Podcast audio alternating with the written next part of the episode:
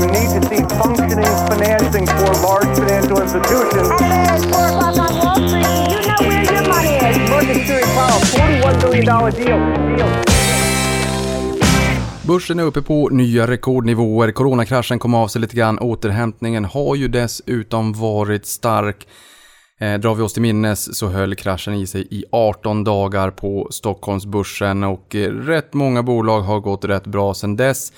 En sektor som inte riktigt har hängt med är ju fastighetssektorn. Jag tror alla av oss kommer ihåg de eh, skakningarna får man väl säga, kanske som var på kreditmarknaden och att det, det var lite jobbigt, lite läskigt, vilket har gjort att vi har inte riktigt sett den samma snabba återhämtning där som i många andra bolag, men det finns ingen regel utan undantag. Det finns ju bolag som faktiskt inte har missgynnats lika mycket.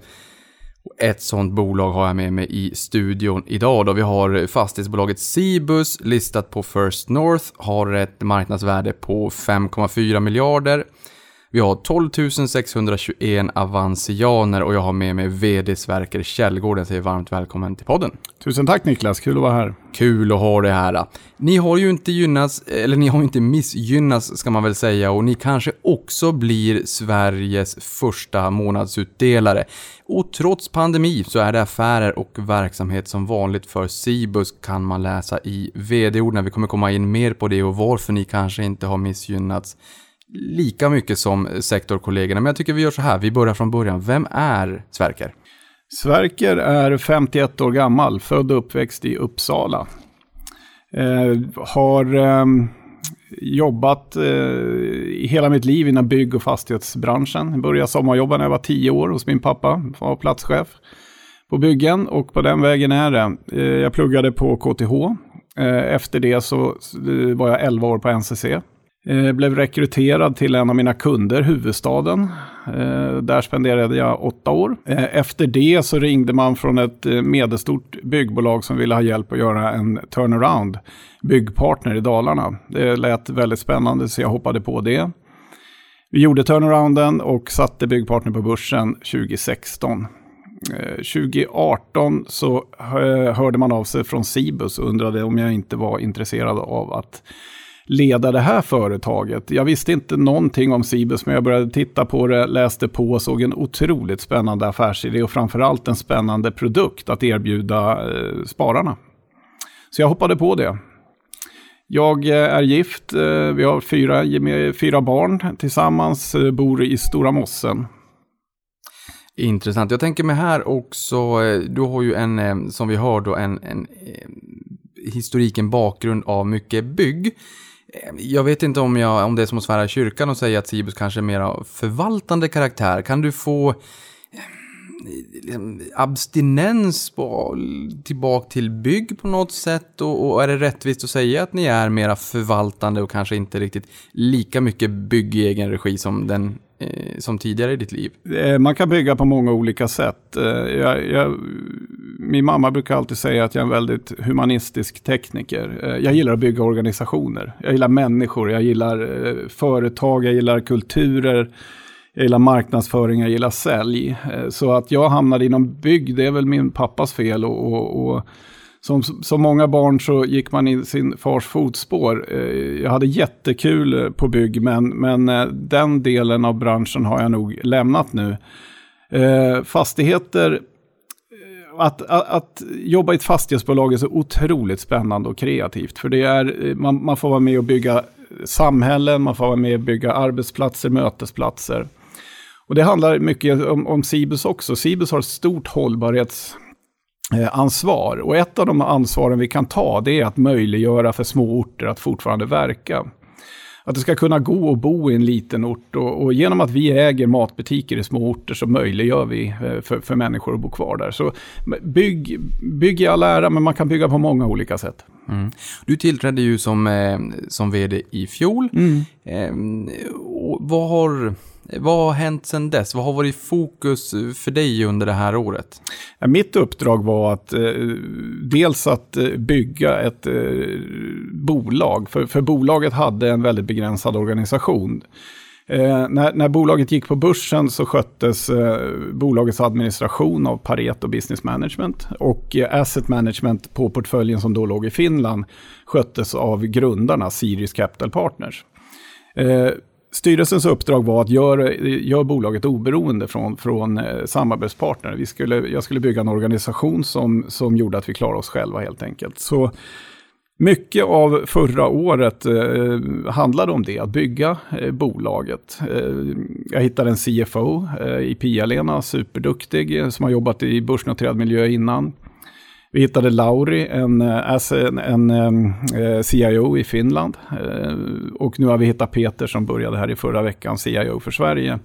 Det tillsammans med, med två till på ekonomi så är vi nu fulltaliga. Nu har vi inget eh, beroende av någon annan eh, som hjälper oss med saker, utan nu, nu sköter vi det här bolaget själv. Det andra, det andra eh, tydliga uppdraget då, det var att göra ett listbyte upp på huvudlistan. Eh, dit har vi inte riktigt hunnit än, men, men eh, från och med nu, eh, nästa vecka, så startar det arbetet också. Jag blir lite nyfiken just på din, din tidigare karriär och bakgrund inom eh, bygg. Just eh, även om det här är förvaltande så tänker jag, har du någon eh, nytta av den tidigare kunskapen när ni kanske ska köpa ett fastighetsbestånd och man kanske förstår fastighetsbeståndets vigör och man kanske har det här helhetstänket kring vad finns det i närområdet, är miljön levande eller inte, kommer det vara mycket trafik? Ja, idag har man väl kanske siffror på, men kommer det vara mycket trafik till den här lokalen, matbutiken om fem år, tio år, vart är vi på väg och sådär? Vad, vad kan du införliva för kunskaper från tidigare? Nej, men självklart, självklart är det så. Det, det räcker ju oftast med en snabb titt på en fastighet för att se om den är i bra skick eller inte och hur den är byggd. Eh, det, det, det har man lärt sig genom åren, så, så det är ju det enkla. Sen precis som du säger att det gäller att hålla koll på hur, hur eh, människoströmmar går. Och, eh, men, men vi är inte heller rädda, som jag sa, att köpa eller äga fastigheter i små orter. Det är, dels är det svårt att få detaljplan för att bygga matbutiker i, i Skandinavien. Men, men också är det så att så länge så länge människorna bor kvar där och handlarna, alltså våra hyresgäster, tror på en marknad, då kommer det finnas en matbutik i den, butik, i, i den orten och det kommer aldrig byggas en till. Det där är jättespännande. Vi kommer komma in alldeles precis snart om, om mera på vad Cibus gör för någonting. Men bara som en följdfråga där. På, på börsen så brukar man ju prata om vallgravar och ekonomiska vallgravar och sådär och hålla konkurrenterna stångna. Och det mm. känns som att man, man kanske får lite man kanske blir lite orolig när man hör att någon ska ge sig in i en väldigt liten ort och sådär. Om man mm. tänker, finns det verkligen något befolkningsunderlag och det är ju avflyttningsort och ungdomarna flyr storstäder och sådär. Men det kommer ju ändå finnas kvar människor här och eh, kan man få någon form av, form av monopolistisk konkurrens så att eh, man faktiskt, affären blir lönsam och enklare av just den anledningen att man behöver en matbutik och man kanske inte får speciellt mycket konkurrens. Det kanske är bättre än att bygga en lite större butik i en storstad där konkurrensen kan riskera att, att tätna, hårdna och det kanske kommer upp någon ny lokal som den här matbutiken teoretiskt sett skulle kunna flytta till, även om det kanske inte är jättevanligt. Absolut är det så. Och, och eh, i och med att vi har stor del av vårt bestånd i Finland, så de har ju en fantastisk situation när det gäller livsmedel. Det är väl världens mest lönsamma livsmedelsbransch i, i Finland. Eh, det är ett klockrent duopol. Eh, så du vet att du har kommit in i ett, eh, till centrum i en finsk småstad när du kommer till en rondell och där ligger en K-market bredvid en S-market. Så Kesko och S-Group har sina butiker bredvid varandra. Det här gör att ehm, de, de är ju väldigt, väldigt ovilliga att lämna ifrån sig några lägen. Dessutom så har Finland världens mest fastighetsägarvänliga hyreslagstiftning, vilket gör att man skriver gärna väldigt långa avtal. Så så länge Kesko och S-Group eller Tokmanni som också är en stor hyresgäst till oss tror på ett läge under lång tid, då tror vi på det också. Ja, men det där är intressant, just de här skillnaderna mellan Sverige och Finland. Ni mm. har ju varit kanske fokus nu fin Finland. Vi kommer ju komma in på att ni har börjat gå in mer i Sverige, men att det, det finns eh, såklart vissa skillnader de här länderna emellan. Eh, jag tänker, Cibus då? Mm. Vad betyder namnet Cibus? Vart kommer det ifrån? Cibus är mat på latin. Så enklare än så, eller svårare än så är det inte. Jag borde kanske ha tagit den på Google Translate redan från början. Eh, ja, men bra, det fanns en tanke bakom. Er affärsidé är ju att förvärva, förädla och utveckla högkvalitativa fastigheter i Norden då med välrenommerade livsmedelsbutiker och dagligvarukedjor som ankarhyresgäster för att då kunna ge stabil, konjunkturoberoende och ökande utdelning till era aktieägare. Kan du utveckla det lite grann eh, bortom det här då? Vad, hur skulle du förklara Cibus? Alltså historien bakom Cibus, eller, eller historien om Cibus, det är egentligen historien om diversifiering. Eh, historiskt sett så, vi, vi, vi är ju fokuserade på, eh, om jag ska göra en matbutiksstorlek, så supermarketstorleken. Eh, renodlade matbutiker, livsmedelsbutiker eller dagligvaror. Vi har inte fokus på de stora maxilådorna eller hypermarkets. Och det är för att vi tror att de här är, är långsiktigt mest hållbara. Eh, historien är att traditionellt sett så har, har den här typen av fastigheter ägts antingen som enstaka fastigheter eller i väldigt små portföljer av rika privatpersoner eller små företag.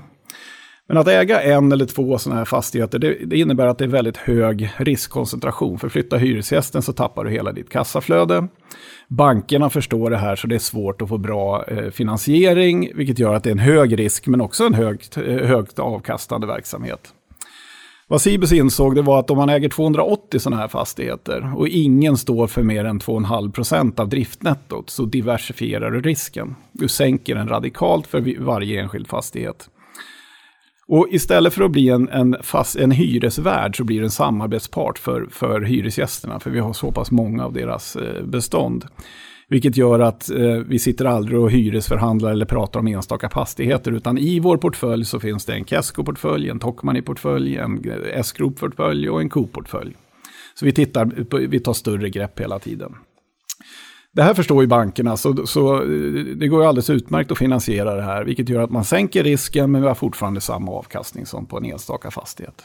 Det är egentligen vår affärsidé, eller hela historien bakom Cibus. Vet du om det är så att de här rika privatpersonerna som har sålt de här lådorna Eh, om det är så att de blir aktieägare i Cibus. För jag tänker, jag vet att ni är ett favoritinnehav bland våra förmögna kunder mm. på Avanza.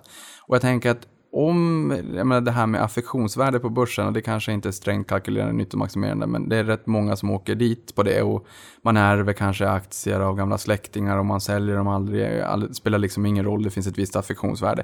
I det här fallet tänker jag mig kanske lite mer rationellt, men ändå att man, man tycker att man hade en eller två lådor tidigare, det var lite högre risk, och, men man vill inte liksom skala, skala bort det helt och hållet. Men det känns bättre att vara delägare i Cibus och ta del av 200-285 fastigheter. Vet du om så har du fått det berättat för dig om några har gjort så? Eh, jag har inte fått det berättat för mig, men det är ju ett av våra argument när vi köper dem såklart. Att det är bättre att äga en aktie i Cibus än att, att eh, äga en fastighet. Och, och, många av våra kollegor i det här segmentet är institutionella ägare. Så Cibus är en av de få tillfällena där vem som helst kan gå in och investera i en aktie och få samma avkastning som pensionsbolagen.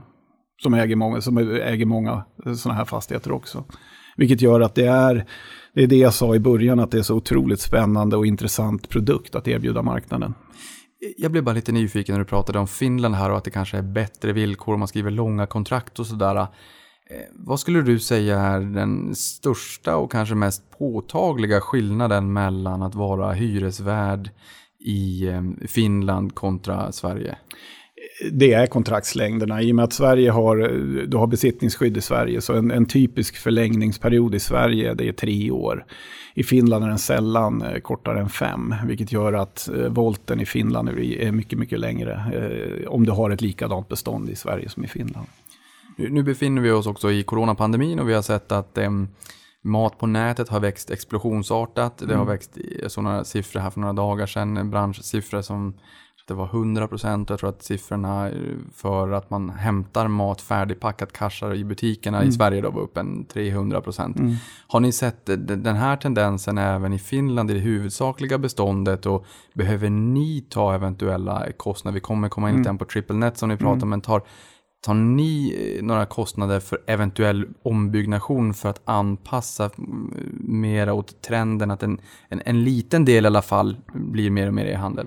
Bra fråga. Eh, och det enkla svaret är nej, inte hittills i alla fall. För det, det är mycket innanför de fyra väggarna som byggs om eller man ställer ut eh, boxar. Och det är någonting som en, en kostnad som hyresgästen alltid står för. Eh, e-handel där, det är jätteintressant. Jag, jag, jag läste också den där rapporten och, och total marknadsandel under coronapandemin ligger runt 4 procent eh, för, för e-handel. Men som du sa, mycket av det här är ju click and collect och det, det gynnas ju våra butiker av också. Det är extremt svårt att eh, driva e-handel med livsmedel eh, lönsamt. Det finns väldigt få företag eh, i världen som kan bedriva eh, e-handel med livsmedel och, och gå med vinst. Och det är för att marginalerna är så låga och kostnaderna för att packa och hantera och, och leverera ut till kund är så pass höga. Så, så den marginalen försvinner ganska fort. Vad vi å andra sidan ser det är att vi gynnas ju av e-handeln då våra livsmedelsbutiker blir naturliga upphämtningsställen för annan e-handel eh, som man har handlat på nätet. Finnen eh, på samma sätt som svensken har ju tröttnat på att sitta hemma och vänta på att det här leveransbolaget eh, kanske kommer någon gång mellan lunch och midnatt. Utan man låter ju, eh, man, man hämtar ju upp det på ett upphämtningsställe istället. Och, och alla våra matbutiker är ju det. Och det, det här är en, strong trend, en stark trend. Och, och Sen är finnarna bättre på att hämta sin e-handel, så de har ju sådana här boxar eh, som fungerar alldeles utmärkt. Man får en kod och så klappar man in den och, och dörren eh, far upp. Men Svensken behöver både två och tre påminnelser, vilket gör att boxarna oftast är fulla. Så det är mer en manuell hantering i Sverige, än så länge. Men vi, vi, vi kanske blir bättre. Men, men eh, hur ser era avtal ut? Eh, för jag vet inte hur det är generellt i, i branschen, liksom dagligvaruhandel. Är hyresavtalen reglerade så att det är en viss eh, månadshyra eller är en del omsättningsbaserade? Mm. Hur funkar det? För då skulle det vara väldigt intressant att få in mera foot traffic mm. i, i butikerna med upphämtningsställen, även för er, och att det blir mera levande områden som, som gör att det flödar mer människor? Absolut. Nej, vi, vi har eh, 100% eh, fasta hyror. Eh, så det är en hyra som skrivs och så räknas den upp med index eh, varje år. Det här gör ju att vår våran business är ju väldigt förutsägbar när det gäller intäkterna, vilket är väldigt skönt. och vi får inte de här stora slagen som andra fastighetsbolag om man håller på med kontor till exempel när hyrorna går upp och ner. utan vi vet vad hyrorna kommer vara och i och med att det är ett segment som inte heller är konjunkturberoende så, så, så är det en stadig tillväxt. Livsmedelsbranschen i både Sverige och Finland har växt med eh, ungefär 3 eh, årligen de senaste 20 åren. Index har gått upp med 1,5. Det innebär att våra hyresgäster kan betala våra hyror eh, långsiktigt, vilket också är en säkerhet för våra aktieägare. Men hur, eh, hur skapar ni värde rent konkret? konkret? Vad skulle du säga är den eh, den största värdedrivaren i bolaget. Att köpa eh, allt större och större bestånd, göra eh, om, bygga om på något sätt för att kunna höja hyran? Eller vad, vad är det som driver värdet mest i Cibus? Egentligen om man, om man tittar på vår intjäningsförmåga eh, de senaste eh, perioderna, det finns i våra rapporter och man kan hitta den på, på nätet. Så tillväxten som sker där, det är egentligen två faktorer. Den ena är index och den andra är förvärv. Så eh, förvärv är ju en central del av vår affärsidé och, och, och, vi växer. Vi har en tillväxttakt eh, eller ett mål på 50 miljoner euro årligen. Det har vi slagit med råge i år i och med att vi klev in i Sverige och ändå investerat eh, över de här 50 miljonerna utöver det. Eh, så, så, så, länge vi kan göra det och fortsätta hitta de här eh, bra lägena, vi kan köpa små eh, enstaka fastigheter eller små portföljer ungefär 50-100 punkter högre än vad hela portföljen värderas till, så kommer vi vår intjäningsförmåga öka. Det finns skalfördelar i det här, för vi behöver inte anställa en massa personal eh, för att eh, administrera eller förvalta de här butikerna. Eh, och vinsten per aktie kan öka också, vilket gör att vi kan hålla vår utdelningsmål, att öka utdelningen med 5% årligen. Men om ni då växer lite grann löpande när ni har kommit in i Sverige också, finns det ett intresse av att försöka hålla det ganska koncentrerat eh, ta Sverige exempelvis ganska koncentrerat till där ni har gett er in för att få de här skalfördelarna. Ni måste hjälpa till, drifta, serva fastigheten eller vad det kan tänkas mm. vara, någon form av underhåll. Eh, nu har vi förstått att fastighetsägarna sköter det, det mesta själv inom eh, butikens fyra väggar så att säga. Mm. Men, men spelar det någon roll om ni köper ett bestånd i södra Sverige och ett i norra? Eller fin- finns det några synergier ni vill åt? Eh, Egentligen inte. Den, den tekniska förvaltningen, den lejer vi bort. Det, det kommer aldrig löna sig att anställa så pass mycket tekniker som, som vi skulle behöva för att, för att titta till de här 280 fastigheterna. Utan då är det bättre att köpa det, den tjänsten av ett bolag som har många andra kunder som kan titta till våra fastigheter samtidigt som, som de är på andra uppdrag. Så egentligen spelar det inte jättestor roll. Eh, utan det, det, det viktiga är väl att man, man eh, att vi köper, vi, vi har en strategi som vi är väldigt tydliga med och det är dagligvaror och livsmedelsbutiker i supermarketstorlek. Och det är jätteviktigt för mig att våra aktieägare känner igen sig i våra köp och förvärv som vi gör så att inte vi börjar bli spretiga. Eh, vi får många frågor om vi inte, varför köper ni inte lagren, logistiken samtidigt som ni köper butikerna. Det är helt andra gilder på att köpa logistik idag. Det skulle inte tillföra värde till, våra, eh, till våran aktie. Så vi, vi fokuserar på det vi gör. Då blir man ju väldigt nyfiken på eh, vad är yielden i, i dagsläget?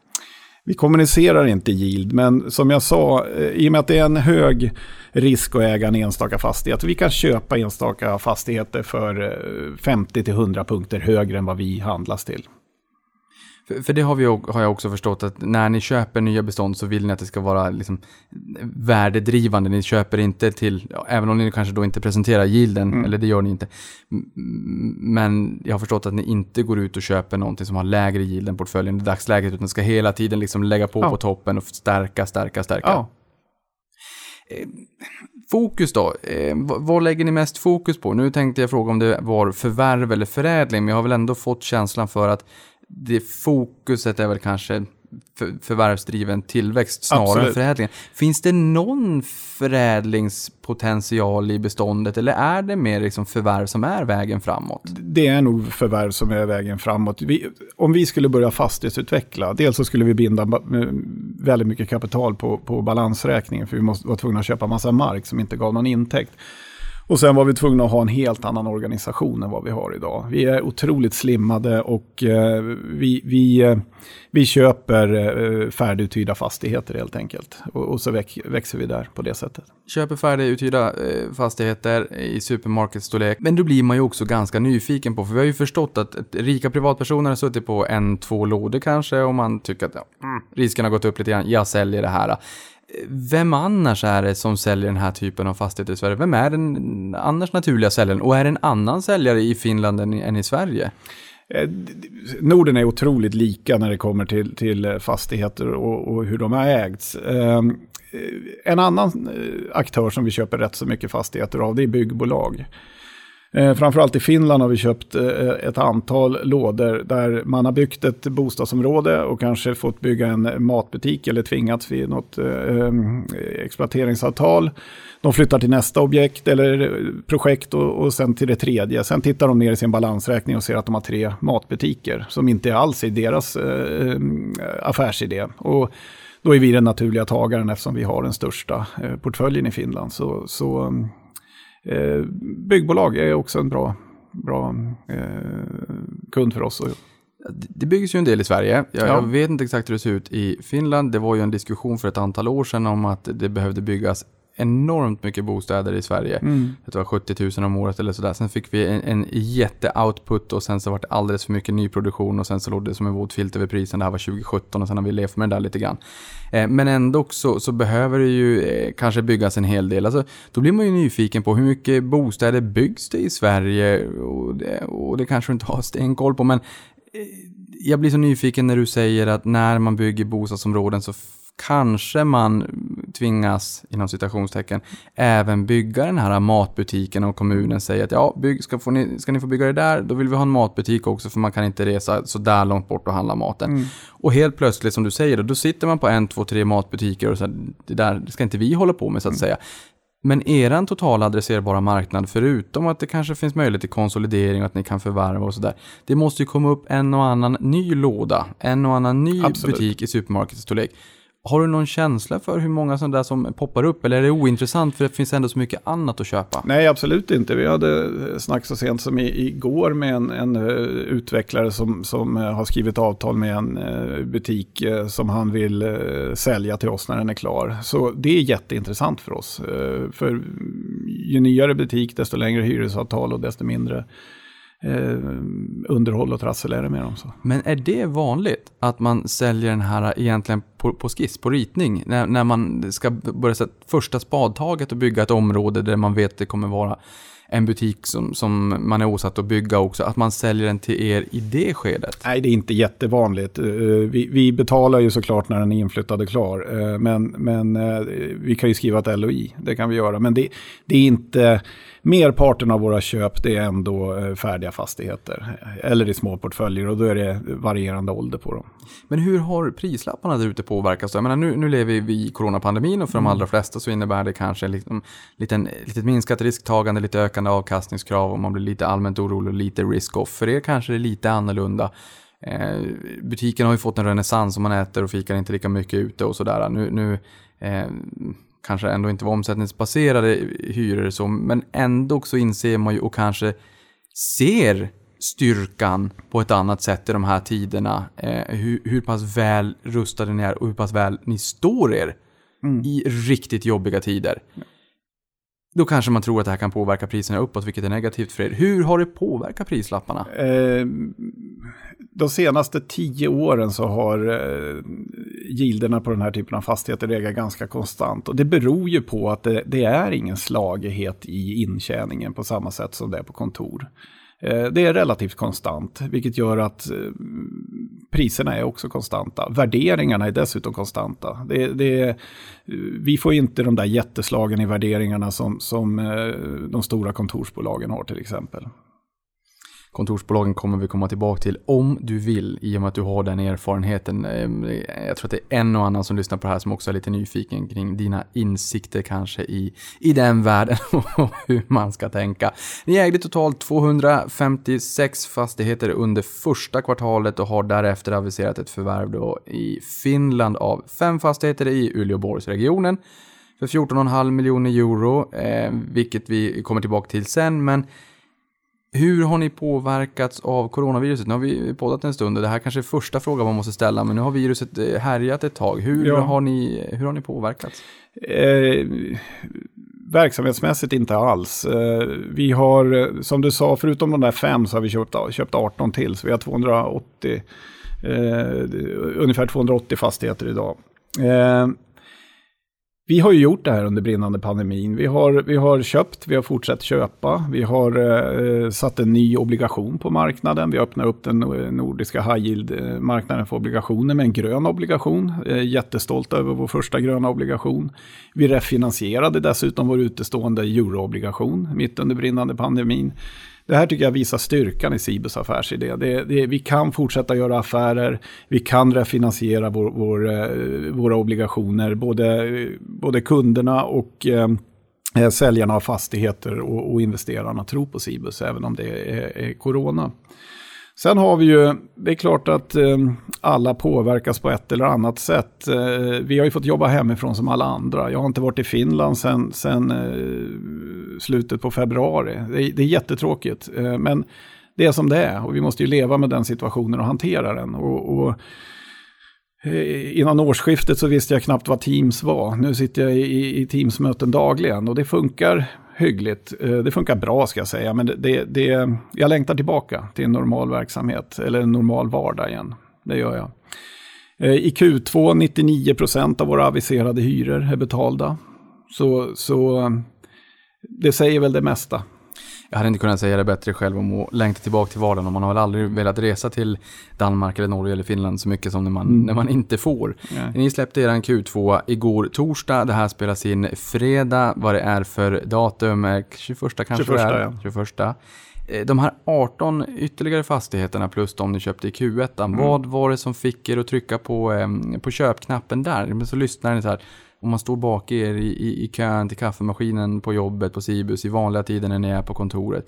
Hur går, hur går snacket? Vad, vad fick er att köpa dem? Eh, de fem fastigheterna vi köpte först, eh, en Arina-portfölj uppe i Uleåborg, eh, det var fem eh, S-gruppen fastigheter. S-gruppen är eh, Finlands motsvarighet till Coop. En eh, otroligt lönsam verksamhet. Eh, dessutom en gigantisk cash trap, för de kan inte dela ut så mycket som de skulle kunna på grund av finsk lagstiftning eh, för, för kooperationer. Vilket gör att pengarna stannar i, i kooperationen så de äger gärna sina egna fastigheter. Så vi fick chansen att köpa fem stycken sådana. Eh, vi ökar jättegärna i S-gruppen. Så det var, det, det var inget svårt beslut att fatta, det var inga stora fastigheter. Den portföljen om 18 som vi köpte sen eh, i, i Helsingforsområdet eh, mestadels, och i, eller i södra Finland, den har vi tittat på en gång tidigare. Då kom vi inte överens med säljaren, eh, eh men nu kom den ut igen och då, då slog vi till. För alltså, 280 butiker nu. Mm. Hur, eh, hur många skulle man kunna eh, sägas anta att ni ska köpa ungefär ett vanligt år? Jag menar, ni har en tillväxtstrategi om 50 miljoner euro, men, men, men hur konverterar man det in till antal fastigheter? Vad kan det bli? Det beror alldeles på hur stora de är såklart. Eh, Men, men eh, i, ja, vad ska jag säga, mellan 20 och 30. När man går in i en matbutik, Mm. Hur ser man att Cibus är eh, hyresvärden? det kanske inte är Det så. gör man inte. Det gör man inte. Alltså, det kanske inte är så intressant förutom de som har börsglasögonen på sig och bara vill veta om Mm. Nej. det är er fastighet eller inte. Det gör man inte. Nej, det gör man inte. Man ser kanske på en hemsida. Det kan man göra och eh, man ser att eh, man ser hyresgästen såklart. Ja. Coop, S-gruppen eller, eller Casco. Ja, vi kommer komma in alldeles, alldeles strax också på den här intressanta mixen av hyresgäster som i ett vanligt fastighetsbolag nog hade gjort att man hade satt kaffet i vrångstrupen. Men det finns ju att tänka på den höga koncentrationen då. Men, men, eh, men i ert fall är det ju faktiskt lite, lite omvänt. Men vi, vi pratar om här, er affärsidé att förvärva, förädla och utveckla högkvalitativa fastigheter. Eh, gammal byggare som du är, så då vill jag ju fråga såklart, vad är en högkvalitativ fastighet inom er, ert gebit? En högkvalitativ livsmedelsfastighet är en, en bra en fastighet som klarar av logistiken väldigt bra. Det ska inte vara bökigt att få dit varor, det ska inte vara bökigt att handla. Eh, sen ska den ligga väldigt bra. Eh, oftast, eh, om man tittar på Finland, så för 10-15 år sedan så började transformationen mellan, från de här eh, livsmedelsbutikerna som låg på torget med dålig parkering ske till eh, moderna lägen där man ligger oftast vid rondellen precis på infarten till stan med bra parkeringsmöjligheter. Det har gjort att runt de här matbutikerna så har det bildats små centrum, handelscentrum. Eh, Det kan ligga en pizzeria eller en hårfrisörska eller en bank eller ett gym eller något sånt där runt omkring. Så hög kvalitet för oss det är att det finns bra parkeringsmöjligheter. Eh, det är en eh, relativt modern byggnad och det ska logistiskt kunna ta, gå att ta sig eh, lätt dit och därifrån. Både för hyresgäster med, med livsmedel och för kunderna.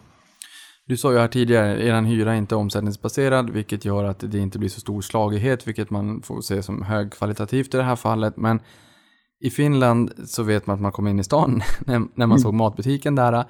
Eh, jag tänker så här, lite Ikea-effekten på något sätt, om man, om man har, nu är det supermarketstorlek, men när man har en större matbutik som kanske skapar lite mera levande område. Du sa hårfrisör och liksom restauranger och sådär. Hur påverkar det faktum att det kanske poppar upp en och annan, att det blir det här levande området? Alltså hur påverkar det värdet, värderingarna på fastigheterna? Eh, det stärker ju såklart eh, marknadsplatsen och, och värderingen på fastigheten kanske inte slår jättehögt på att det, det öppnar en pizzeria eller en hårfrisörska. Men sannolikheten att våra hyresgäster vill vara kvar i de där lägena ökar mångfald mångfalt. Och det är mycket, mycket mer värdeskapande för oss än att eh, värderingen går upp någon tiondel. Så man kan säga att den implicita risken kanske man skulle kunna säga minskar lite grann. Absolut. Em, Hur ser då den geografiska mixen ut? Vi har ändå varit inne eh, på i Finland och Helsingfors och Uleåborg och vi har pratat lite grann Sverige och sådär. Men em, måla upp för oss. Nu, nu har vi Norden framför oss. Det är väl kanske Sverige och, och, och Finland i dagsläget. Vart hittar vi er? I Eh, länder. I, dagsläget så hittar ni oss i, eh, över hela Finland kan vi säga. I princip Eh, hela Finland, inte längst längst i norr, utan från, från eh, Kemi och söderut. Eh, mycket efter kusterna. Två tredjedelar av vårt kassaflöde kommer från sydvästra Finland. Och driftnettot också.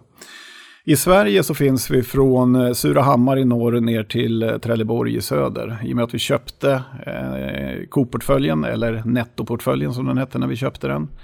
Eh, och det var 111 butiker som var lokaliserade i södra Sverige. Nu får jag nästan skämmas lite grann när det kommer till min geografi. Jag vet att det är ganska lite människor som bor uppe i Norrbotten, i och med att jag själv kommer därifrån. Jag antar att det är samma sak i Finland. Du sa sy- sydvästra delen av Finland, där är det liksom fullt ös.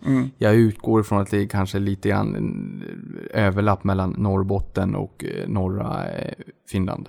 Ja, det kan man väl säga. Nu, nu är ju Uleåborg en, en eh, otrolig eh, hubb för Nokia. Eh, så, så de är ju jätteduktiga. Det är ju Finlands Silicon Valley, så, så det lever i allra högsta grad.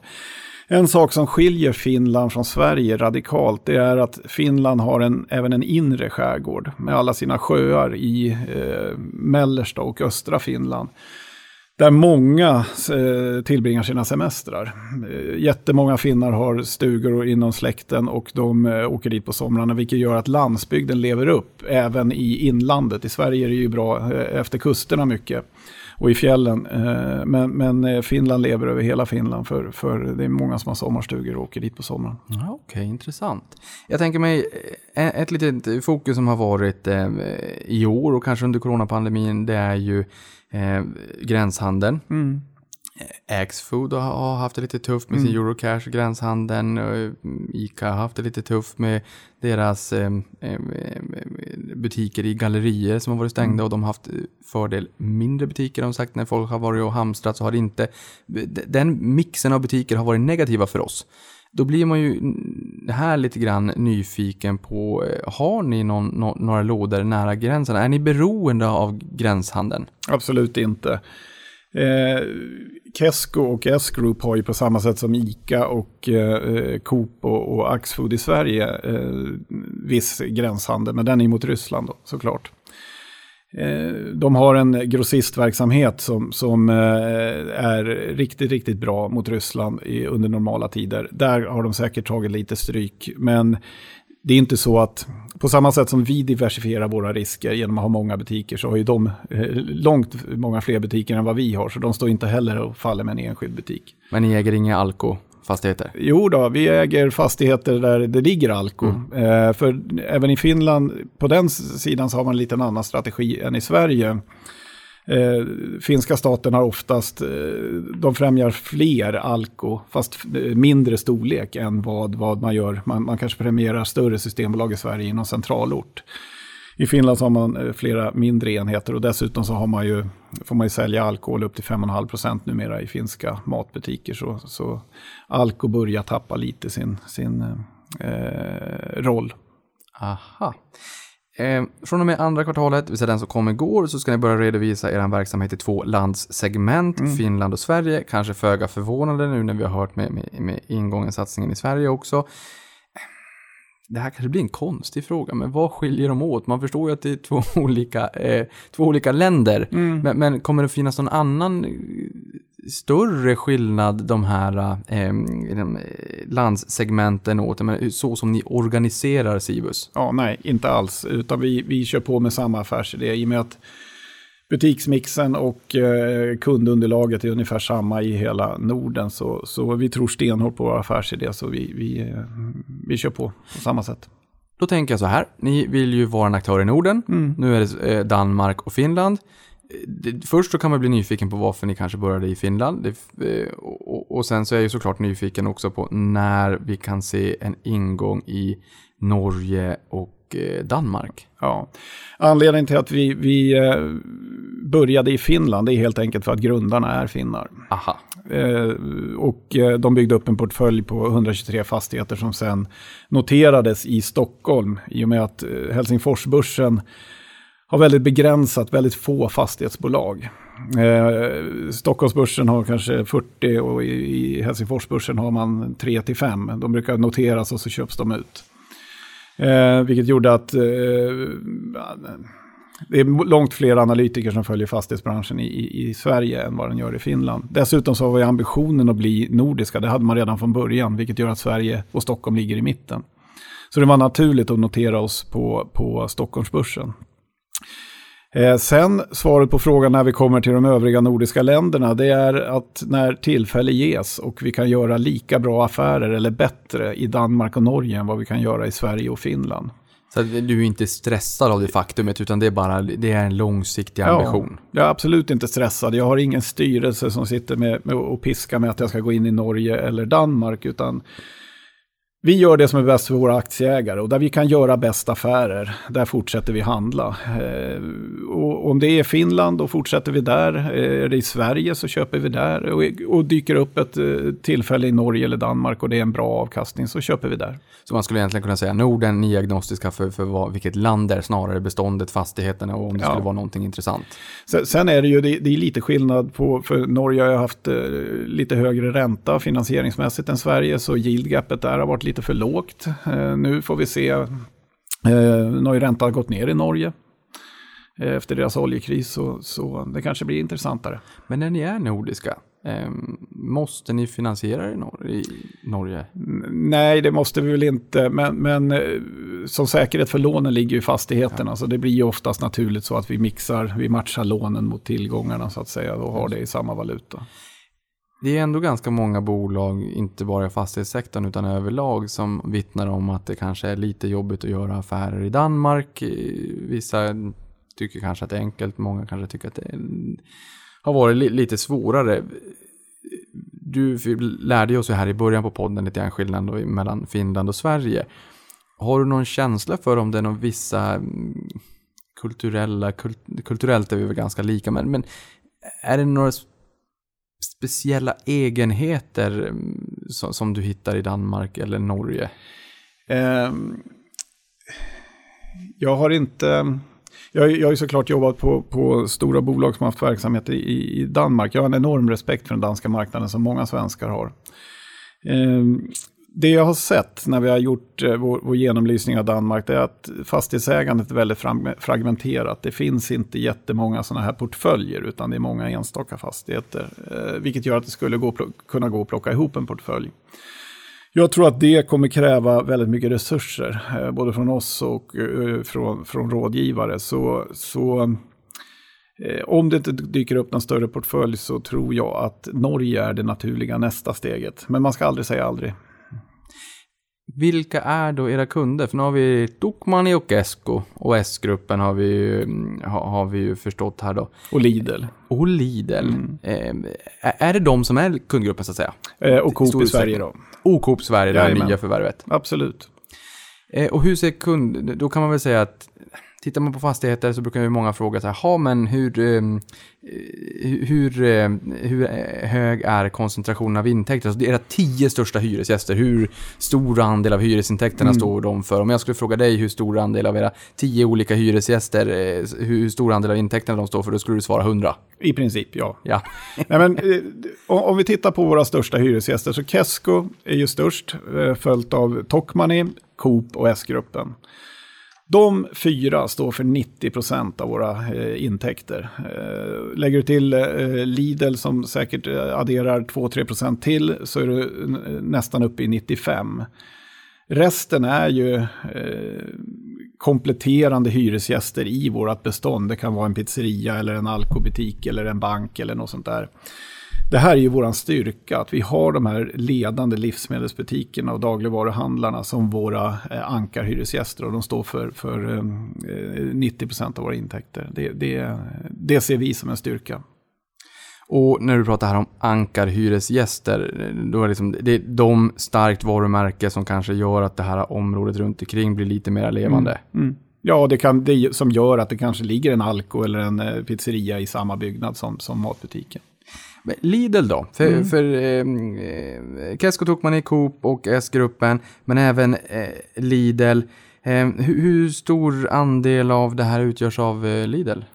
I, I dagsläget inte jättemycket, jag skulle säga 2-3 procent. Eh, vi kommer med största sannolikhet börja särredovisa Lidl, för, för Lidl är viktiga för oss. Vi gillar Lidl och vi, vi köper gärna fler. De här hyresavtalen, hur, eh, du sa att det var längre hyresavtal i Finland, kanske lite kortare i Sverige, man har det här besittningsskyddet. Eh, men hur ser hyresavtalen i er portfölj i dagsläget ut? Vad är, vad är snittlöptiden på dem? Fem och ett halvt år. Eh, nöjd? Skulle du vilja ha längre eller? Alltså, om, du, om du har en stor finsk portfölj, till, tillräckligt stor tillräckligt länge, då går eh, genomsnittliga hyrestiden ner till fem år. För förlängningsperioderna är fem år. Så antingen så ligger du i en sån femårsperiod eller så är du på väg mot en sån. Eh, så om du bara ligger kvar så, så kommer den dra sig mot fem år och sen så blir den ju i oändligheten så blir den ju kortare och kortare. Men, men om du fortsätter köpa fastigheter så kommer den ligga runt fem år. Sen köpte vi ju Coop-beståndet med tio, nya tioåriga hyresavtal, vilket gjorde att hela portföljen hoppade upp till fem och ett halvt år. Eh, fem och ett halvt år, men hur vanligt är det att en, eh, att en hyresgäst säger upp lokalen? Flaggar man då om till en annan butikskedja, till en annan som nyper den där ganska snabbt? Eller kan det ta lång tid att fylla vakansen? Nej, det, det bor ju människor som vill ha mat i magen också såklart. Ja, absolut. För det första så är det väldigt ovanligt att vi tomställer butiker eller får tomställda butiker. Eh, sen den naturliga tagaren efter en livsmedelsbutik, det är oftast lågpris. Därför har vi Tokmanni, vi har en annan hyresgäst som heter Halpahalli som är en, en konkurrent till, till Tokmanni, ett, eh, liten, eh, ett litet del av vårt bestånd. Men det är den naturliga tagaren för den, den lokalen eller den fastigheten. Så eh, det brukar gå rätt så bra har även förstått här att Kesko, det är de eh, som äger um, K-Rauta i Sverige. Ja, det är Kesko Rauta, det är Kesko Järn. Hmm. Se där, då hade man en liten koppling. Jag har aldrig funderat riktigt till K-Rauta i Sverige, mm. men så fanns de i, i er portfölj och är stora hyresgäster till er. Ni har ju eh, genomfört en eh, nyemission, eller 4 mars aviserade ni en nyemission där ni tillfördes 886 miljoner kronor. Eh, och samma dag aviserade ni då ett bindande avtal om att förvärva en fastighetsportfölj med 111 matbutiker av Coop mm. för 1,9 miljarder svenska kronor då ska sägas, mm. i mycket euro i, ja. i, i, för er. Ja, det är det. Eh, I er senaste rapport skriver ni att förvärvet är strategiskt viktigt och det första förvärvet i Sverige. Det här skulle jag vilja att du utvecklar och också måla upp en bild kring vad ni har för vision framåt i Sverige? Är det mera fokus Sverige just nu eller Finland? Menar, du har ju sagt att det är vad det är när det dyker upp ett bestånd. Mm. Vi är mm. lite agnostiska då, men, men, men vad är vad vill ni med Sverige härifrån nu? Ni är lite varma i kläderna fortfarande. Menar, ja. Den här affären har inte ens kallnat än. Ja, vi, vi är hungriga efter mer så, ja. så, så, så, vi tittar. Nej, men, eh, om vi börjar med att titta på, på vad var det som gjorde Coop-affären så intressant för oss. Eh, när man kliver in i ett nytt land så är det oftast lättast om man kan få ett fotavtryck. Så vi, vi, var, vi, vi tittade jättemycket efter en portfölj att köpa. Eh, det kom upp att Netto köpte Coop, eller Coop köpte Netto rättare sagt. Man köpte hela verksamheten, eh, Netto vardagshandel, inklusive de fastigheter som man eh, hade byggt och ägde. Den där började vi titta på direkt, för, för eh, det såg otroligt intressant ut. För vi förstod ganska snart att Coop hade ingen eh, ambition att ha eh, kvar ägandet av fastigheterna i sin balansräkning. Sen när den verkligen kom ut på marknaden, då tittade vi eh, otroligt snabbt och otroligt noga på den här portföljen. Och det är en av styrkorna som Cibus har, i och med att vi har en egen organisation som jobbar fem dagar i veckan med våra fastigheter, med våra hyresgäster och med eh, förvärv och transaktioner så gör det att vi har en, en, en stor vi, vi, vi, har en väldigt kort startsträcka och en stor kompetens inhouse, vilket gör att vi kan snabbt titta på förvärv. Vad som hände sen under, och, och det, det, det, ska säga det som gjorde att vi tyckte att den här var så attraktiv, det var att det var 111 fastigheter, ungefär lika stora. Eh, medelstora matbutiker ska jag säga, eller ganska små rättare sagt. De ligger runt 1050 kvadrat, de flesta lådorna. Men spridda över södra Sverige, ett ganska koncentrerad eh, portfölj. Eh, det vi också såg, det var att de här fastigheterna var, de hade gjort samma transformation som den jag berättade om i Finland för 15 år sedan, när butiken flyttade ut till rondellen på infarten till, till stan. Och det kunde Netto göra i och med att de, de kom in till Sverige, eh, hade inte en enda butik och ville bygga ett bestånd. Så de åkte runt i kommunerna i södra Sverige och frågade, hej vill ni ha en ny aktör? En mataktör i, i er kommun. Eh, eh, och det ville de såklart för de ville öka konkurrensen. Och så satte de sig ner med kommunerna och tittade, vad är ett lämpligt läge för en matbutik? Och de gjorde samma analys som man hade gjort i Finland. Lägger vi rondellen precis vid infarten till, till, till stan så får ni bra parkering. Sen fungerade inte nettokonceptet av, av, eh, säkert av massa olika anledningar, men Coop köpte det här och det, då såg vi att det här är perfekt. Det är precis den här typen av fastigheter vi vill äga. Sen att vi under förhandlingarna eh, tog det finska trippelnettavtalet i Sverige och skrev tioårigt trippelnettavtal med eh, Coop, vilket innebär att de står för allt drift och underhåll. De tar i princip över rollen som fastighetsägare. Eh, förutom att de inte får hyrorna. Men, men de tar rollen som, som eh, fastighets, eh, drift och underhåll av fastigheterna och sköter dem. Eh, det var ju såklart jätteintressant för oss också. I och med det här förvärvet så har vi kunnat anställa en, organisation i Sverige också. Vi har Peter Lövgren som anställdes, eh, som började i måndags, som jag jobbade ihop med på huvudstaden, som jag har känt i många år som hoppade på den här rollen som CIO för Sverige. Så nu kan han i lugn och ro, han har ett bestånd som står i tio år eh, på TrippelNet. Nu kan han i lugn och ro utveckla det här beståndet, lära känna det och köpa eh, fastigheter som man kan eh, addera till den här portföljen. Så nu kan vi göra samma sak som vi gjort, har gjort i Finland sedan eh, vi grundades. Köpa små, eh, enstaka fastigheter, små portföljer eller stora portföljer och addera till den här befintliga portföljen. Det är rätt fascinerande att höra när du berättar om det här med att man lägger, flyttar ut butikerna ut i rondellen innan stan. Det är så mycket som är utstuderat som man inte tänker på. Allt ifrån butikspsykologi till vad är det första man ser när man kommer in, varför mjölken längst in, varför mm. kryddorna i oordning. Mm. Eh, till uppenbarligen då vart man förlägger de här butikerna. När man kör 97an kommer in till Boden så är kvanten på högra sidan och Willys på vänstra sidan. Det är bara liksom trilla ner en liten polett när du ja. målar upp den här bilden och inser det är ju precis så det är. Ja. Eh, ja, fascinerande. Ja, men och det är också en, en, en, bra, en rolig grej med, med att driva det här bolaget. För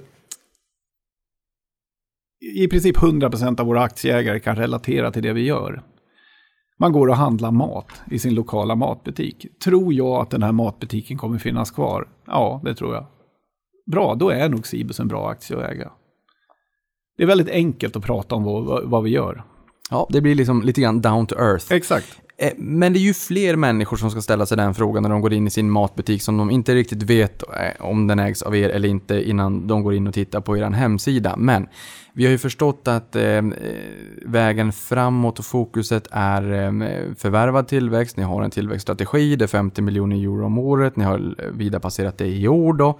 Eh, ni tog in de här nya 886 miljonerna samtidigt som ni skulle signa på Coop där. Mm. Eh, har ni uttömt möjligheten, nu, har ni redan, nu är ni i mål i år så att säga, eh, med, med, möjligheten till ytterligare förvärv och hur kommer ni att finansiera de här förvärven? Alltså, lök, lök, ökande intjäningsförmåga som borgar för det här eller kommer det komma eh, offensiva nyemissioner och hur hög belåningsgrad kan eh, banken acceptera? Visst, det här är ocyklisk verksamhet, det är inte slagighet i intjäningen och sådär. Men mixen, hur, hur, hur ser förvärvsstrategin ut finansieringsmässigt? Mm. Eh, just i dagsläget så har vi en otroligt bra kassa i och med att vi, har, vi gjorde emissionen, vi eh, satte den här gröna bonden, obligationen på marknaden och refinansierade, refinansierade eurobonden. Vi har en väldigt bra kassa i dagsläget så, så vi är väl rustade för ytterligare förvärv. Framöver så, så, så har vi samma strategi. Det blir en mix mellan eh, banklån, obligationer och eget kapital. Eh, vi har en, en eh, LTV på i, i, runt 60 procent. Vi har en finanspolicy som säger att vi ska ligga mellan 55 och 65. Jag själv är, är väldigt bekväm med att ligga runt 60, gärna någon tiondel under. Så det, det, det kommer vara, det är nog vägen framåt. Men belåningsgrad 55-65 procent eh, och, och, kanske lite under där då. Det är ocykliskt. Du kommer ju också från eh, NK huvudstaden, eh, NK som är en fastighet i huvudstaden då. Eh, och det är väl kanske det fastighetsbolaget på börsen som ofta pratar om när det kommer till låg belåningsgrad. Sen kan ju också, eh, om vi får se liksom en rad nedskrivningar där, så, så ökar ju såklart belåningsgraden. Men är du färgad av den eh, tiden och den resan eh, när det kommer till att du kanske vill ha lite eh, lägre. Sen är det ju sunt så att säga. Är, men, men hur resonerar du kring vad du tycker är rimligt? Sova gott om natten kontra att vara offensiv? Alltså, hur kommer du fram till att du vill ligga lite under? Egentligen, det, det enkla svaret till det, det är att om du pratar med svenska investerare så är inte de alls nervösa om jag skulle ligga på 62 procent. Men vi har en hög andel utländska investerare i bolaget och vi har lyckats attrahera utländskt kapital. Åker du till England eller till, till eh, Paris eller till Frankfurt så blir en del lite nervösa när, när LTV går över 60 procent. Eh, därför är väl det diplomatiska svaret att jag, jag eh, ligger gärna någon tiondel under. Det låter som att ni gärna vill ha eh, en mix av en internationell ägarbas. Finns det ett, ett hyggligt stort intresse för bland utländska investerare? Men de äger väl en totalt sett 40 procent av Stockholmsbörsen någonting. Eh, fi- finns det ett, ett, ett gryende intresse från utländska investerare också? Liksom Lite grann, vad, vad är Cibus för någonting? Absolut. Vi, vi, en stor del av min tid lägger jag på att eh, prata med nya och eh, befintliga investerare. Efter varje kvartalsrapport, när det går, när det inte är coronatider, så åker Pia-Lena och jag på roadshows. Vi åker alltid till London, vi, brukar vara i, vi har varit i Frankfurt, vi har varit i Amsterdam, vi har varit i Paris. Och du säljer ju inte ett bolag på första mötet med en, med en investerare, utan det kanske är på tredje. Så det gäller att eh, återkommande besök, eh, det jag sa för eh, tre kvartal sedan, har jag levererat det? Eh, ja, det kanske jag gjorde det och nästa gång jag åker dit och tittar så ser de att det går ännu bättre då. Eh, lägger de en köporder och då ser man dem i aktieboken, vilket är otroligt roligt. Jag älskar ju att sälja. Eh, inte fastigheter dock, de älskar jag att köpa, men jag älskar att sälja bolaget och, sälja, och aktierna. Eh, så så eh, det är en stor del av mitt jobb och eh, en väldigt rolig del av mitt jobb. Kul.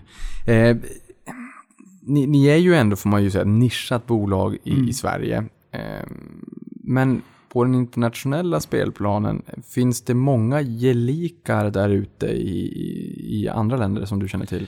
Det finns ju de här realty income i USA. Eh, de, de eh, har, har haft den här affärsidén ganska länge. Också månadsbetalare, eh, månadsutdelare ska jag säga. Det finns ett engelskt bolag som är likadant. Det finns ett i Tyskland. Så, så de finns där. De är inte jätte, jättevanliga, men, men de finns. Är det realty income? För där vet jag att många lyssnare här ty- tycker att de är intressanta. Jag Ja. tror att många äger dem också. Eh, ticker O. Kort och gott, eh, om ni ska söka upp dem. Eh, har ni inspirerats av dem? Eh, nej, det skulle jag väl inte säga. Vi, vi, vi, vi tittar på dem och vi, vi inspireras ju av att det går väldigt bra för dem. Men, men jag tror inte det var de som låg till grund för, för eh, beslutet att eh, skapa Cibus. Utan den, det, de här killarna som skapade Cibus hade, de har en lång eh, historik inom fastighetsbranschen och har köpt och sålt de här fastigheterna säkert två, tre gånger, men till olika bolag. De såg en, en vinning i att konsolidera och lägga det i ett bolag. Så det är väl mer där eh, uppkomsten till bolaget kom. Men ligger realty income till grund för eh, förslaget på extra stämma i höst om månadsutdelning? Eller var ni, att ni kände liksom det hade varit väldigt roligt att vara Sveriges första månadsutdelare? Snarare det, det sista. Eh, det här kom upp eh, i höstas. Eh, Det var Pia-Lena, vår CFO, som kom med idén. Hon gillar att vi hade, hon gillar att vi hade kvartalsutdelning och kom med idén varför gör vi inte månadsutdelning? Vi tog idén till styrelsen och de tände också på det. Vi gjorde en utredning. Såg att det här skulle passa väldigt bra med vårt kassaflöde. Eh, det innebär inte några nå astronomiska kostnader eller jättemycket arbete heller att göra det här. Men till syvende och sist så handlar det om att göra Cibus-aktien så attraktiv som möjligt för våra ägare. Och eh, jag hoppas och tror att en månadsutdelning kommer göra Cibus-aktien ännu mer attraktiv. Eh, det står ju i tidningarna var och varannan dag att man vill byta utdelning mot lön. Ehm, och, och det här blir ju som en lön, man får utdelningen varje månad. Exakt, det är ju ehm, oerhört intressant. Det här kommer göra eh, Cibus-aktien väldigt intressant för väldigt många. Jag vet att det är många som, som gillar utdelning, som är utdelningsjägare, lite speciellt år nu, om än vi börjar se att det börjar luckras upp. Vissa bolag kommer tillbaka, ehm, eh, Holmen, eh, Wallenstam, men det är nog väldigt, väldigt många som tycker att det är intressant med den här eh, månadsutdelningen och därför blir jag också väldigt glad när det är ett bolag där man tycker kanske att risken är lite lägre. Det är inte jättestor slagighet i intjäningen. Det är inte ett, ett kraftigt opportunistiskt bolag med en jätteslagighet i intjäningen och kanske stora risker för nedskrivningar etc. Utan det, det, känns som att, jag hoppas att det blir så. Jag tror ingen annan hinner före för ni är så långt gångna. Det är väl kanske i september tror jag som stämman skulle vara. Så jag gläds åt det faktumet och jag tror att det kommer vara väldigt, väldigt många som kommer att applådera det för att folk älskar utdelning. Och vi kommer också komma in till eller in på lite grann eh, löneförhöjningen från inkomst av tjänst, 2 procentenheter kanske som ett snitt eh, över tid i Sverige.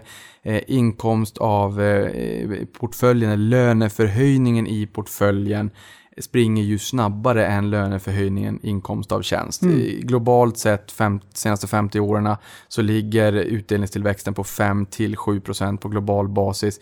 Ni säger ju att ni ska höja den här eh, 5% om året. Det är ganska imponerande. Det är många som äger eh, preferensaktier. De ger kvartalsvis utdelning, eh, men sen så kappar de det. Roligare än så blir det ju inte. Man får inte ta, del- ta del av en stigande vinst över tid, utan det är utdelningen. That's it. Inget roligt om räntorna börjar ticka på uppåt, så att det här guldet blir lite grann kattguld när man jämför. Inflationen blir också lite jobbigt. Ni vill ju bjuda aktieägarna på en utdelningstillväxt på 5% om året. Vad var det som gjorde att ni kom fram till just 5%? Och det, det, det tror jag väldigt många kommer att uppskatta. Nej, men vi, det, vi har haft det sedan start, sedan bolaget grundades. Man, man tittar på intjäningsförmågan, man tittar på de långa kontrakten och den säkra intjäningen och att vi har kontroll på våra kostnader. Eh, vi har ju räntederivat på våra lån, eh, 67 procent tror jag det är i dagsläget, så vi säkrar ju vår, våra kostnader också. Vilket gör att det här är förutsägbart och vi, kan, vi, kan, vi klarar av det här. En, en liten brasklapp dock. Mm. För, för, nu har ni ju 111 fastigheter i Sverige. Ja. Ni är ju Finlandstunga. Mm. Skulle ni inte kunna ge utdelningen i kronor istället för euro? Och slippa Ja, växlingen? vi, vi, vi måste ju, ja, nu har vi, nu har vi, eh, vi har ju merparten av våra intäkter i Finland. Vi vill ju bli ett nordiskt bolag. Vi måste ju välja någon valuta. Eh, och eh, euro blir det enklaste i och med att vi har också utländska investerare som är euroinvesterare som gör att det inte blir någon valutarisk för dem och, och eh, hit och dit. Så vi, vi valde euron. Okej, det är ni Akelius. Ja. Eh, någon måste ju ta euro-benet också. Euron är ju, som jag har hört, lite större än kronan. eh, något som satte skräck i investerarna under våren var ju obligationsmarknaden eh, och störningen på obligationsmarknaden. Stora störningar frös till is mer eller mindre. Vi hade de flesta fastighetsbolagen föll 50%. Pandox med sin hotellexponering. Ehm, de, har lite, de opererar ju hotell själva lite grann och sen har de ju mycket fastigheter då som opereras av Scandic. Båda de där åkte ju på jättemycket stryk. Pandox ner 77%. Ganska stora eh, fall. Eh, ni har ju som sagt gått ganska eh, obemärkt förbi hela coronapandemin. I senaste rapporten sa ni att ni har tagit en, en kostnad om 200 000 eh, euro. Det, det är ju verkligen inga eh, pengar i sammanhanget. Ni Nej. fick 99% av hyrorna. Eh, man inser att det här är verkligen business as usual som, som du har sagt där. Men eh, vad tänkte du när du såg den här enorma störningen på obligationsmarknaden och var du överhuvudtaget orolig? Eh, absolut var vi oroliga. Eh, sen sen eh, vi, vi fattade ett beslut eh, att vi, gör, vi förbereder allt. De här två obligationerna. Vi jobbade fram ett underlag tillsammans med våra banker. Vi förberedde allting eh, för att sen trycka på knappen när det kom en öppning i marknaden. Eh, vi var inte alls säkra på att den skulle ske innan sommaren, men det, det, det kom ett fönster där vi klarade det här i, i början på juni, vilket gjorde att vi tryckte på knappen och refinansierade hela bolaget, vilket är extremt skönt att sitta idag. Ingen vet vad som kommer hända, kommer en andra våg, kommer det en, ytterligare en oro på, på finansmarknaden? Vi är klara, vi har gjort det här. Så eh, refinansieringsbehovet i, i, i närtid får man väl säga att eh, ni känner er ganska säkra på att det här inte kommer vara några bekymmer. Jag tror det tidigaste lånet förfaller om 2,6 år, så, så vi, vi har tid på oss. Och om 2,6 år då hoppas vi verkligen att vi ska ha ett vaccin och ett vaccin som, som folk eh, eh vågar ta också. Absolut. Eh, så att vi är av med det här helt enkelt. Eh, den genomsnittliga räntan i låneportföljen inklusive då skriver marginaler och räntesäkringskostnader uppgick till 2,5 procent. Mm. Eh, här var jag lite nyfiken på yielden på fastigheterna. Där kommer jag gå bet, för det säger ni mm. inte. Eh, men hur mycket tror ni att ni kommer kunna pressa finansieringskostnaderna framåt? Har ni rating på de här idag? Finns det någon ambition i sådana fall om att ha en högre rating för att få ner finansieringskostnaderna? Vad skulle det innebära? Finns det helt enkelt en möjlighet att få ner finansieringskostnaderna och, och, och, och bredda gapet mellan, mellan vad ni finansierar till och vad ni köper fastigheterna till? Eh, vi tittar absolut på rating. Än så länge är vi för små. Eh, vi, vi måste nog upp i dubbla storleken för att eh, vi överhuvudtaget ska bli intressant och värt att göra. Så vi, vi följer det. Och det är klart att vi har en ambition som alla bolag att minska våra finansieringskostnader. Vi har väldigt, väldigt bra förhållande till våra samarbetsbanker. De är fortsatt villiga att finansiera våra förvärv till bra nivåer. Så eh, den situationen vi har idag, vi är nöjda med den, vi är glada för den, men det är klart att vi jobbar stenhårt för att minska finansieringskostnaderna. Men låt oss då anta omvänt att vi får se stigande räntor. Mm. Ehm, hur, hur pass eh, hårt påverkade blir ni där och vad händer med finansieringskostnaden då? Så hur mycket hur mycket kan ränte, finansieringskostnaden, räntan och finansieringskostnaden stiga innan det börjar göra ont? Och är de som indexerade avtalen så att de hänger med, butikerna får betala mer då? Butikerna är ju, hyrorna räknas ju upp med, med konsumentprisindex och det, det, den uppgången får vi ju. Så du vill inte ha stigande räntor utan stigande inflation? Nej, exakt. exakt. Nej, men det, det, är därför vi räntesäkrar våra, våra eh, lån, merparten av våra lån, för att eh, på kort sikt eh, minimera den risken. Nu är det väl ingen som tror på, på eh, dramatiskt stigande räntor här under en överskådlig framtid. Men det är klart att vi tittar på det här och eh, jag, jag, kan inte ge någon exakt siffra på när det börjar bli jobbigt, men, men än så länge har vi inget problem med att finansiera verksamheten. Något som oroat investerarna där ute, förutom störningar på obligationsmarknaden, är ju eh, fastighetsvärdena och om vi skulle mm. behöva göra eh, större nedskrivningar vid en rejäl lågkonjunktur. Nu har vi ju sett en del nedskrivningar också, eh, förvisso faktiskt. Ehm, men det har vi ju inte sett hos er. I Q1 så skrev ni upp värdet med 1,6 miljoner euro och 3 miljoner euro i Q2 vi har ju också förstått att man behöver handla i alla fall. Mm. Det, är ju business as usual. Jag vill mm. bara flika in här, du är ju också gammal, eh, gammal i gamet och inte bara på, på Cibus. Eh, där Atrium Ljungberg, deras handelsområden, de sa när det var som värst, när det var som mörkast, verkligen mörkast, så eh, sjönk foot traffic 30%. Mm. Eh, I juni var det på 95%, omsättningsmässigt så är de över juni 2019. Det är ganska fascinerande mm. när, när, man, det är svårt att riktigt ta till sig. Jag tror att många trodde att det var mörkare än så. Ja. Nej, men, och, och, livsmedel är ju icke-cykliskt, det är nästan kontracykliskt. Uh, I tuffare tider så tenderar man på att dra ner på restaurangbesöken och köpa mer mat och laga hemma. Så, så eh, vad är lågkonjunktur i livsmedelsbranschen? Det kanske är när det är högkonjunktur i resten av världen. Eh, för då går fler på, på, på, restaurang. Men det är en icke-cyklisk eh, bransch vi, vi, vi befinner oss i. och, och det vaknar 10 miljoner hungriga svenskar varje dag och det vaknar 5,5 miljoner hungriga finnar varje dag. Så, så vi måste äta. Ja, riktigt. Eh, det är intressant. Som du säger, det har vi sett under pandemin också, mm. att man, man äter eh, ute mindre så att säga. Det innebär ja. att man äter mer hemma och då blir det ju också eh, kontracykliskt. Och framförallt så ser man ju vikten av en livsmedelsbutik i samhället, i närsamhället under pandemin. Eh, många kan inte ta sig med kommunala färdmedel för man ska inte trängas på bussar och tåg. Att då ha den lilla lokala matbutiken som man kan gå till blir ju bara viktigare. Och det här det stärker i alla fall oss i våran tro att eh, supermarketstorlek är, är det, det långsiktigt hållbara. Men vad är en supermarketstorlek? För jag tänker mig, är det 2000 kvadrat eller någonting? Vad, ja, upp till 2500-3000 ligger de väl. 2 ja. Mm. Om man säger så här då, vi, vi, kan, vi kan ge en annan term, ren livsmedel. Jaha, inte kläder och, och böcker och sånt där? Och... Nej, inte den här första tredjedelen som du har i en hypermarket eller en maxibutik, utan Ja. det är ren livsmedel. Ja. Eh, jag noterade en not om tomträttsavgäld i, i redovisningen. Äger ni eh, vanligtvis marken eller är det bara eh, liksom, lådorna så att säga? Vi äger vanligtvis marken. Sen har man, i, i Finland finns det något som heter MREC. Det är en Mutual Real Estate Company som är en avancerad form av 3D-bildning. Så man kan äga sin del av en... en eh, ett, om, om det ligger en matbutik i bottenvåningen på, på en eh, bostadskåk så kan vi bara äga den delen så att säga. Och det har man kunnat väldigt länge i Finland. Okej. Ja, jag bor själv i en, i en eh, tredimensionell fastighetsbildning i, i, i en, en centrumkärna. Hmm. Ja, intressant. I, I förra rapporten skriver ni att många hyresavtal är så kallade triple net. Det här är en term som vi har hört eh, några gånger här under podden, men som man kanske känner hmm, inte helt hemma på vad det där innebär. Eh, och där hyresgästerna då står för merparten av eh, kostnaderna, varpå driftnettot är ett av de viktigaste jämförelsetalen. Kan du utveckla det?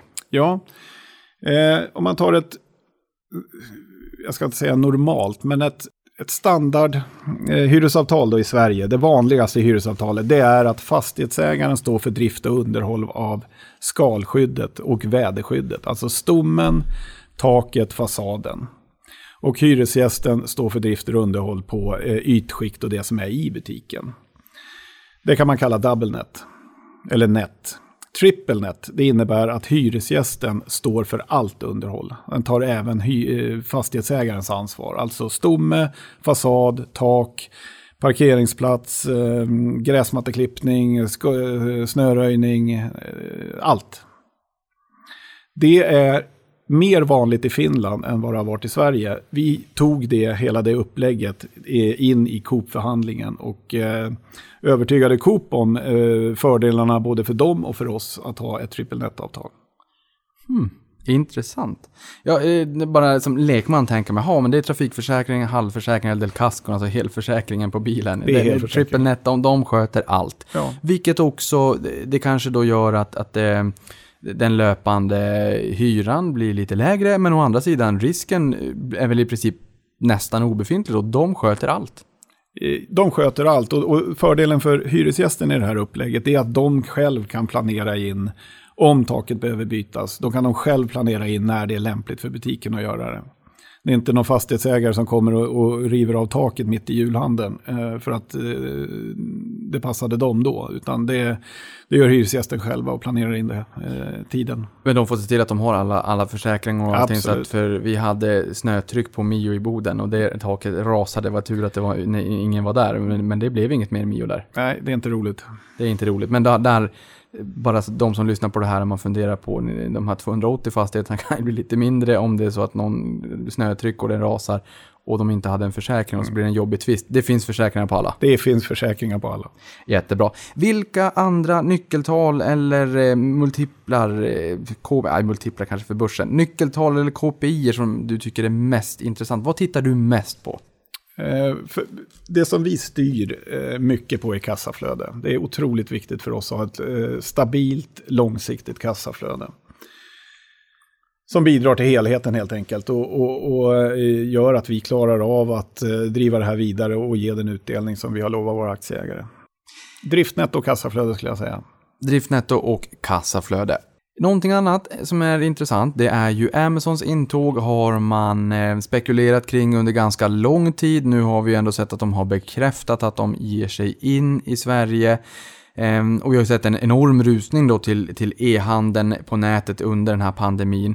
Eh, Från låga tal såklart. Du sa att de var uppe på, på 4% av totalen. Så att 96% eh, eller 96 av 100 kronor eh, går ju fortfarande via fysisk handel. Man går dit och, och plockar sina, eh, sitt, sitt kaffepaket på, på affären. Ehm, du skrev i ett vd-ord tidigare Även i svåra tider behöver människor sin lokala eh, matbutik och det var du in på nyss här också, man ska när man inte ska trängas i, i kollektivtrafik och sådär. Eh, hur ser du kring eh, Amazons e-handel? Är det ett hot alls? Jag tänker det nuvarande och moderna sättet att handla sin mat har ju egentligen bara funnits sedan 50-talet i Sverige. Mm. Är du orolig alls? Eh, nej, jag är inte orolig men jag följer det med intresse. Eh, för eh, som jag sa tidigare, det är ytterst få eh, företag i världen som kan driva eh, e-handel med livsmedel med vinst. Eh, HUI och eh, ehm, Handelsrådet i Sverige har gjort en rapport om, om just det här om Amazons intåg. Och vilken effekt det kommer få på olika retailbranscher. Eh, leksaker, elektronik och böcker ligger, får en väldigt hög effekt. Dagligvaror får en väldigt låg effekt. Helt enkelt för att Amazon inte fokuserade på dagligvaror. För det är för låga marginaler och för höga kostnader. Så eh,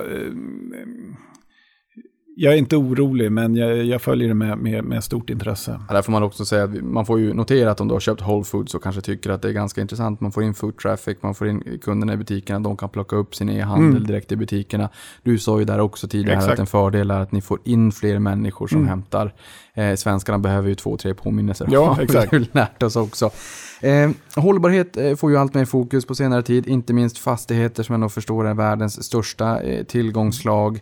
Eh, hur, hur jobbar ni med, med hållbarhet? Och ni skriver hur många fastigheter som har solcellspaneler. Eh, Så hur, hur jobbar ni med hållbarhet och hur jobbar ni med, med effektivisering, inte minst energieffektivisering eh, på, på era fastigheter? Triple net, då kanske de sköter det själva. Men, De men hur jobbar själva. ni med det här? Ja, men det, det, det absolut viktigaste vi kan göra det är att fortsätta köpa fastigheter med de här ledande eh, livsmedelskedjorna. För en livsmedelskedja eller ett livsmedelsföretag eh, kommer alltid vara bättre än ett fastighetsbolag på att jobba med hållbarhet. För de jobbar mot slutkonsument. Det är otroligt viktigt med, med närproducerat, eh, ekologiskt och de är ju eh, mil före fastighetsbolagen. Så om vi fortsätter att samarbeta med dem och låta dem, eh, till exempel med solcellerna som är ett, ett eh, projekt som vi har tillsammans med Tokmanni, och det kommer även andra som, som frågar om de, de får sätta upp solceller på våra tak. Det är klart att de får göra det. Eh, vi tar ingen avgift för det, men vi tar heller ingen kostnad. De får, de får energieffektivisera sitt eget trippelnet-avtal.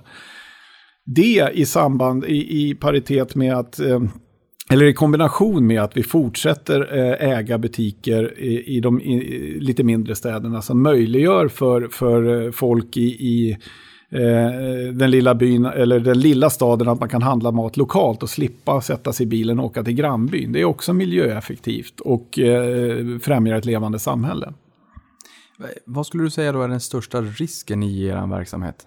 Den största risken, finansiering är alltid en risk. Eh, och den är alltid väldigt oförutsägbar. Eh, sen att eh, det finns alltid en risk att transaktionsmarknaden blir svårare. Vi, vi har hittills inte sett det. Vi är en attraktiv köpare av de här fastigheterna. Vi har aldrig eh, dragit oss ur en affär som vi har gått in i eh, och visat ett intresse eller fått ett LOI. Eh, men men eh, vi vill ju köpa och vi vill ju växa. Det skulle vara otroligt tråkigt för Cibus om, om eh, vi inte skulle kunna göra det längre. Men eh, vi, vi äger 280 matbutiker och det finns tusentals i, i Norden. Det finns många kvar att köpa. Ja, det där är intressant. Nu, nu, det där är ju jätteintressant. Du säger att eh, ni har 280 och du säger tusentals. Ja, jag, jag, jag såg någon siffra i Finland att det finns mellan 6 och 6 500 matbutiker. Och då är det väl eh, simra- så, eh, siffran eh, rent logiskt i Sverige borde väl vara någonstans mellan eh, 15 och 20 000. Då. Och sen har vi i framtiden kanske då Nor- Norge och Danmark. Ja. Då inser man, okej, det, det finns mycket att göra. Det finns mycket att göra. det, vad är eh, vanligaste frågorna från analytikerna då? Ja, den, den vanligaste frågan var när går ni in i Sverige? Den har jag eh, Bockat löst. av. Den har jag bockat av. Nej, men det är eh, flytten till huvudlistan. Eh, en stor fördel för oss eh, och för, för, framförallt för våra investerare om vi går till, eller när vi går på huvudlistan, det är att vi kommer bli inkluderade i EPRA-index. EPRA är ju eh, Europeiska fastighetsunionens index som man har. Eh, vi är medlemmar i EPRA. Jag var talare på deras event i Madrid i eh, september, men vi kan inte inkluderas i indexet för vi är inte på huvudlistan. Att vara, på EPRAs huvud, eh, att vara med i EPRAs index eh, möjliggör för vissa investerare att ta större positioner eller att överhuvudtaget investera i en aktie. Just det, så vill man ha en, en, en hygglig direktavkastning då får man försöka eh, frontrunna den inkluderingen i index så att de inte de trycker upp kursen och trycker ner direktavkastningen. ehm, och, och jag kan tänka mig i vissa, vissas placeringsmandat så kanske de inte heller får investera i er på den listan ni är nu. Eh, Kan vara så. Det, det, det var ett större problem förr eh, med First North än vad det är idag. Det var, vi, vi hade samma problematik på, på byggpartner när jag var där, men, men det har luckrats upp. Det, det är enklare för dem att göra det idag. I år har vi ju sett utdelningsstrategin lite grann förpassas till, eh, till skamvrån. Vi har sett eh, det har blivit en politisk het potatis och det är, eh, har också blivit en varumärkesrisk att dela ut pengar och kanske speciellt om det är så att man har tagit emot permitteringsstöd. Eh, vi har sett vissa bolag fundera kring om man inte ska eh, betala tillbaka permitteringsstöd för att kunna ge utdelning. Visibiliteten har ökat eh, jämfört med här i våras. Ehm, Men för er så är det ju business as usual som vi har förstått. Ni har en direktavkastning på en, någonstans eh, 7%, ni säger att det ska öka med, med 5% om året. Hur trygg skulle du säga att, ehm, eh, att utdelningen är? Jag tänker att det inte kommer en, en deal som är eh, alldeles för bra för, för att tacka nej till och att ni säger att vi slopar utdelningen i år, vi behöver förvärva det här beståndet. Hur trygg, när man alltså, folk kommer vallfärda till er. Av den anledningen eh, att det är månadsutdelare. Alltså den månadsutdelningsfokuset kommer ge er möjligheten att presentera Cibus för väldigt många människor som tycker att det här låter väldigt, väldigt intressant. Många kommer bli nyfikna. Och ni kommer förmodligen få väldigt många eh, fler ägare också. Ni har fått många fler ägare. Vi skulle ju spelat in den här podden, eh, hade vi tänkt, i början på sommaren och nu är det i slutet på augusti. Och bara däremellan har jag gjort om min agenda och gjort om antalet ägare så att det har flödat in en hel del ä- ägare där. Vad säger du där? Finns det en sån risk?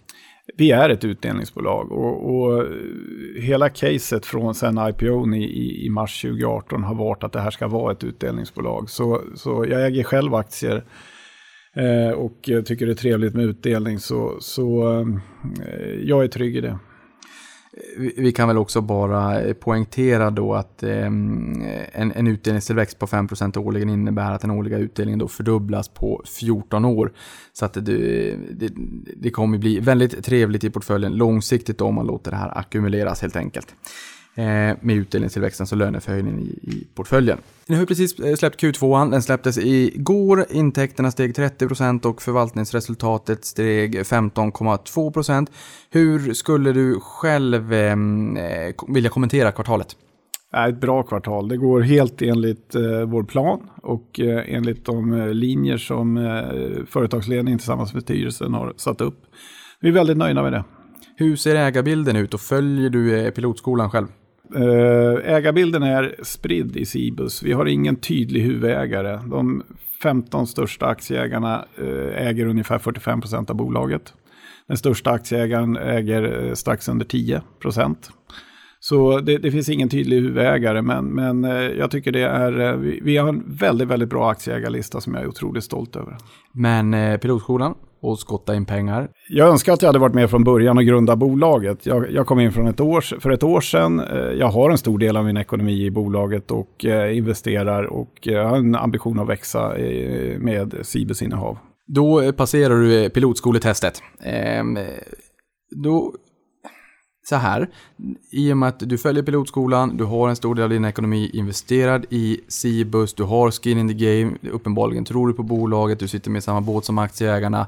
Då blir man ju också nyfiken på, då tror du uppenbarligen på framtiden. Vart befinner sig Cibus om fem år?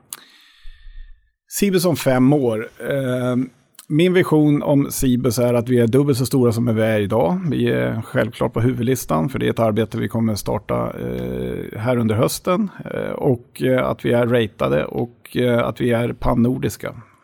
Sen har jag sista frågan. Jag har några supersnabba eh, Twitterfrågor också som vi får gå igenom i ultra rapid. Men jag har en fråga, den kanske är lite känslig. Du får ta den som, som du vill.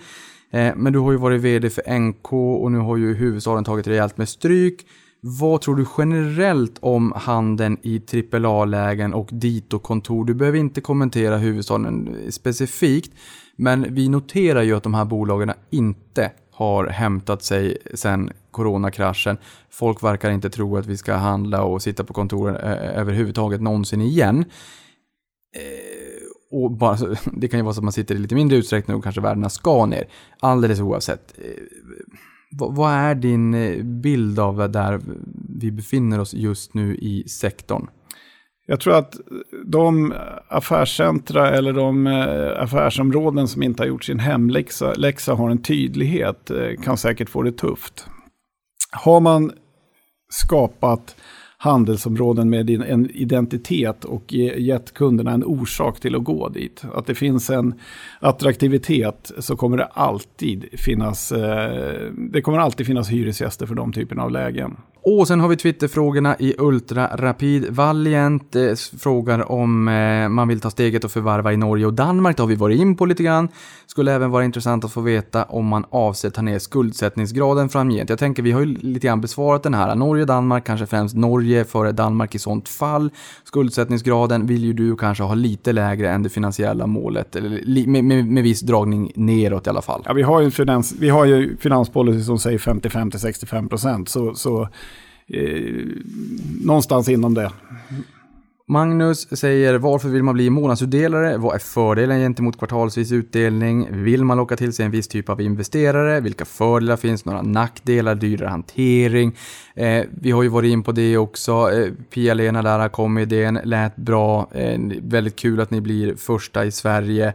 Eh, självfallet så kommer det här locka en, en viss typ av investerare såklart. Eh, men det här med dyrare hantering tror jag också när jag kommenterar att det inte blir någon speciellt dyrare administration för det här. Alltså det är ju en repetitiv business, eller eh, repetitivt eh, arbetsuppgift man har att eh, beställa eh, utdelning via Euroclear. Och, och, och vi, vi, gör den fyra gånger per år idag och eh, vi kommer få göra den lite fler gånger bara, så det är ingen jätte jättebetungande. Invest Stockholm frågar, fråga hur han firade SM-guldet i fotboll. Jag är sportanalfabet så jag förstår inte det där, men du har ju säkert svaret.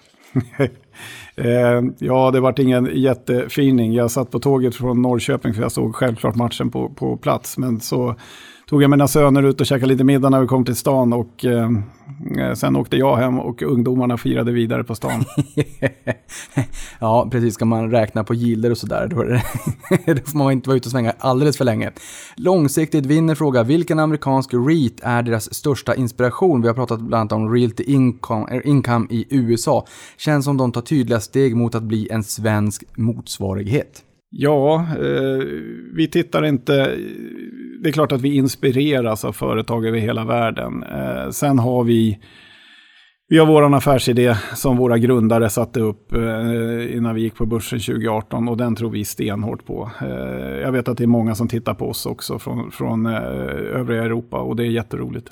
Utdelningscyklisten skriver, utöver att ha som mål att höja utdelningen cirka 5% per år samt förvärva för 50 miljoner euro per år för att klara det då, eh, har de någon tanke på att artikulera i en policy att till exempel dela ut x antal procent av vinst eller eh, fritt kassaflöde?